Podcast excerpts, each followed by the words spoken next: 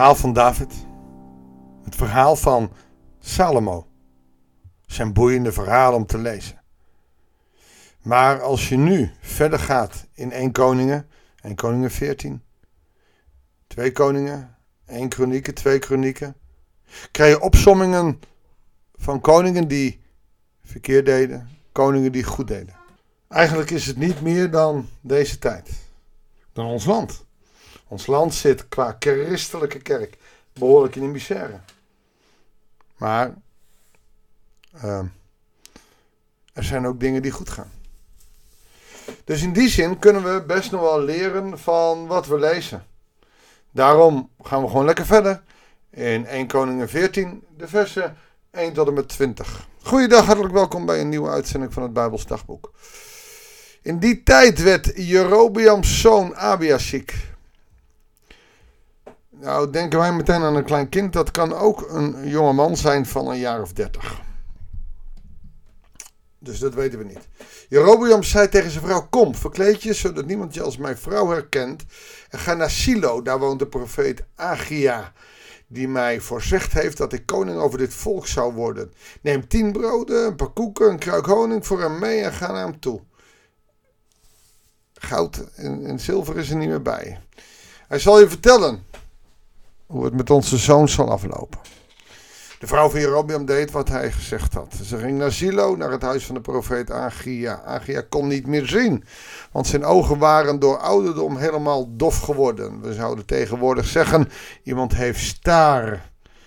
Um, maar de Heer had tegen Agia gezegd: De vrouw van Jerobeam komt naar je toe om je te raadplegen over haar zoon de ziek is. Ze zal in vermomming bij je komen. En hij zei tegen Agia wat hij Jerobeams vrouw moest zeggen. Toen Agia de vrouw bij de deur hoorde aankomen, begroette hij als volgt: Kom binnen, vrouw van Jerobeam.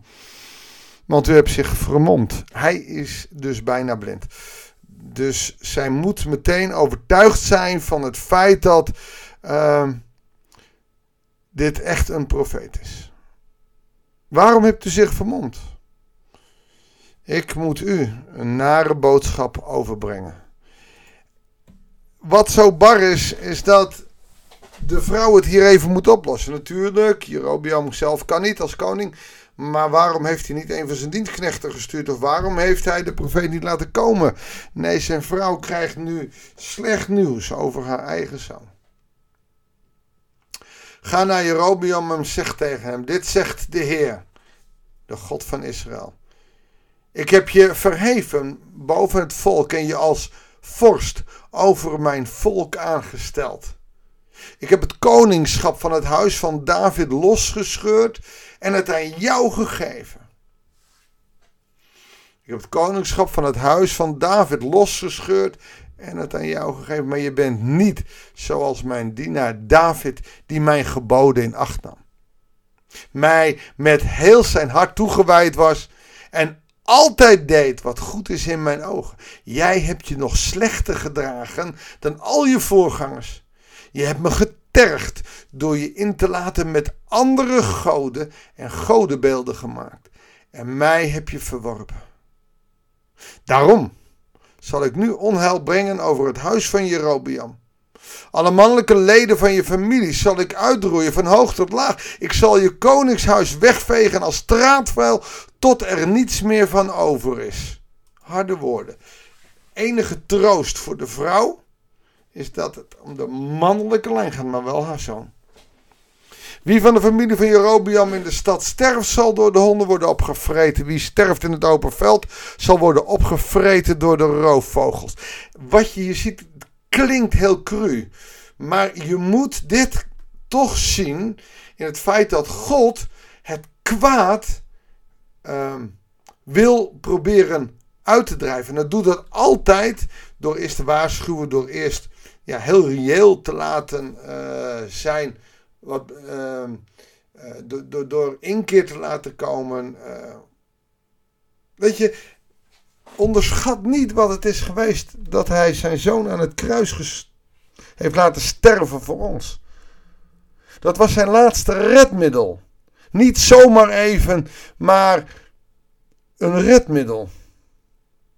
Want al die koningen en al die mensen die gedood zijn, om het kwaad uit. Het kwaad blijft. Het kwaad blijft zelfs in ons. En dan hebben wij de genade en, en, en het kruis dan wel voor ons staan. Maar als jij kwaad doet, in ieder geval wat kwaad is in de ogen van de Heer, moet je nagaan hoeveel wij hem tergen. En ik vergelijk het wel eens dat we als het ware tegen Jezus zeggen: Ach, blijf een poosje aan het kruis hangen, want ik moet zo nodig weer zondigen. Zie je hoe dicht het bij kan komen? En dat het natuurlijk wel heel zielig is, maar wat God in het hele Oude Testament probeert te doen, is het kwaad te verdrijven en mensen te luisteren naar Hem, omdat Hij het goede heeft. Maar goed, dit heeft de Heer gesproken tegen de vrouw van Jerobeam. Ga nu naar huis. Zodra u de stad bereikt, zal uw kind sterven. Je krijgt je eigen kind niet meer in levende lijven te zien. Het is hard, maar het kwaad bestrijden is ook heel hard. In heel Israël zullen ze over hem rouwen en hij zal begraven worden. Hij is de enige nakomeling van Jerobeam die in een graf zal worden bijgezet. Omdat hij de enige is van het huis van Jerobeam in wie de Heer, de God van Israël, iets goeds heeft kunnen vinden. Waarom denk ik dus aan het begin van dit gedeelte dat hij ouder is dan een jaar of tien? Omdat er iets goeds gevonden is en dan is hij op zijn minst 15, 20 of 25 jaar. En hierin is ook de troost, deze zal met eer en respect begraven worden. Laten we zeggen schrale troost voor zijn moeder. Binnenkort, wat zeg ik? Nu vandaag nog zal de Heer iemand tot koning van Israël verheffen, die het huis van Jerobeam zal uitroeien. De Heer zal Israël treffen, zoals de wind het riet in het water heen en weer zwiept. Hij zal de Israëlieten verdrijven uit dit goede land dat hij aan hun voorouders heeft gegeven. Hij zal ze uiteendrijven en verjagen tot over de Eufraat. En dan moet je dus denken aan uh, de, de Galdeën, uh, Ur, uh, waar Babylon zit en waar straks de Babylonische ballingschap ook zal gebeuren. Omdat ze God hebben, omdat ze God hebben getergd. Door Asherpalen te maken. Hij zal Israël aan zijn lot overlaten omdat Jerobeam gezondigd heeft en de Israëlieten tot zonde heeft aangezet. De vrouw van Jerobeam vertrok en ging terug naar Tissa. En zodra ze voet over de drempel zette, stierf het kind werd begraven en heel Israël rouwde over hem, zoals de Heer bij monden van zijn dienaar, de profeet Agia, had voorzegd. Verdere bijzonderheden over Jerobeam, over de oorlogen die hij heeft gevoerd en over de regering zijn opgetekend in de kronieken van de koningen van Israël. Jerobeam regeerde 22 jaar. Toen ging hij bij zijn voorouders te rusten. Zijn zoon Nadab volgde hem op. Dus er is een opvolger. Maar die heeft de profetie over zich dat hij zal sterven. En dat hij door de honden of door het wild, door de vogels opgefroten zal worden. Wat een vooruitzicht. En zo zie je dat Israël, wat een nette staat zou moeten zijn, niet anders is dan de staten om hen heen. Wreed en gruwelijk. Waarom? Omdat ze God in de steek hebben gelaten. En dan kan je blijven zeggen, nou gelukkig hebben wij Jezus die voor ons eh, is gestorven en dat wij de genade hebben. Bedenk eens dat door al onze fouten God zo gruwelijk kwaad kan worden. Ik wens het niemand toe. Dus bezint er begint, oftewel probeer geen zonde te doen. Alleen al omdat je God ermee tergt. Want hij kan zijn zoon wel gegeven hebben, kan alle zonden van de wereld wel op zijn schouders hebben genomen. Als jij, als ik zondig, tergen wij hem. Tot op, nou ja, het bot zouden we zeggen, dan weet ik niet of God bot heeft. Maar het is heel intens. En we mogen niet te makkelijk aan die genade uh, voorbij gaan en dan maar denken dat alles kan. Laten we bidden, Heere God. Help ons door de kracht van uw geest.